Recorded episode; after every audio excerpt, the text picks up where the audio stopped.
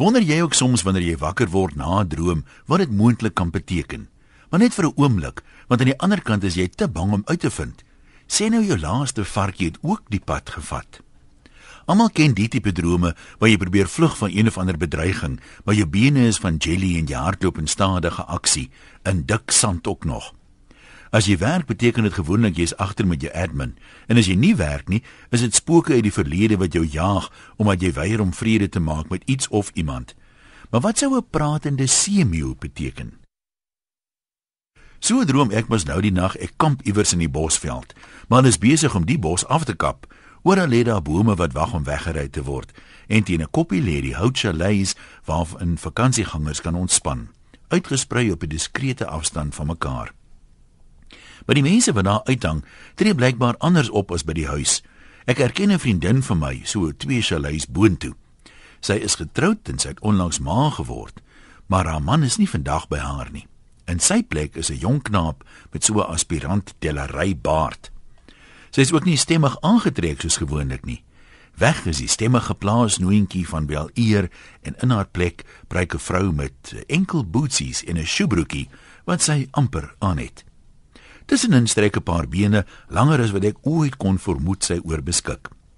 'n Rukkie later sien ek haar weer, maar hierdie keer aan die onderkant van my chalet. Shame sy loop erg krippel. Ek snel haar te hulp en sy vertel sy het gaan stap op die losgrond gegly en 'n spier verrek. Sy belei na Elise kant toe en my eerste skaamtelose gedagte is dat dit nie 'n baie groot spier kan wees as hy onder daai sjoebroekie kan inpas nie. Dadelik voel ek egter soos 'n ridder op 'n wit merrie en my gebrek aan fiksheid ten spyt tel ek haar op, gooi haar oor my skouer en stap flink met haar na haar chalet toe, waar ek haar versigtig op die bed neerlê. Die jong delery is nêrens te sien nie. Toe ek omdraai, sit daar 'n seemeeu op die onderdeur. By hom het hy 'n nes van seegras en gevlegte bamboes wat hy skynbaar oral saamvlieg. Dit verbaas my toe hy begin praat, maar dit verbaas my nog meer dat hy Portugees praat.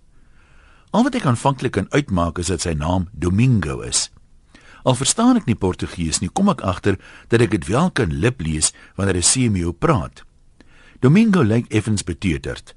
Hy vertel dat hy 'n winkel gehad het by die see waar hy flink handel gedryf het in roomys, calamari en peri peri prawns. Maar die locals het jaloers geraak en hom en sy winkel geplunder. Hy moes vlieg vlug vir sy lewe en net die paar goedjies wat hy by hom het, is al wat hy kon red. Toe ek later my vriendin vertel hoe dapper en hoe ver ek haar in my drome gedra het, is haar reaksie: "Jy's regtig 'n ware vriend." Ek vind dit 'n heel aanvaarbare uitleg van haar gedeelte van my droom. Maar hoe verklaar mense droom waarin 'n semio Portugees praat? Is ek diep binne in my menswees dalk uiters bekommerd oor xenofobiese geweld onder diere? Hunker ek na Portugese calamari en peri peri garnale of het my laaste varkie my finaal verlaat? Wag, moet liewer nie sê nie. Ek dink nie ek wil regtig weet nie. Kom ons hou liewer lekker lank naweek. Groete van motor tot motor. Anoniem.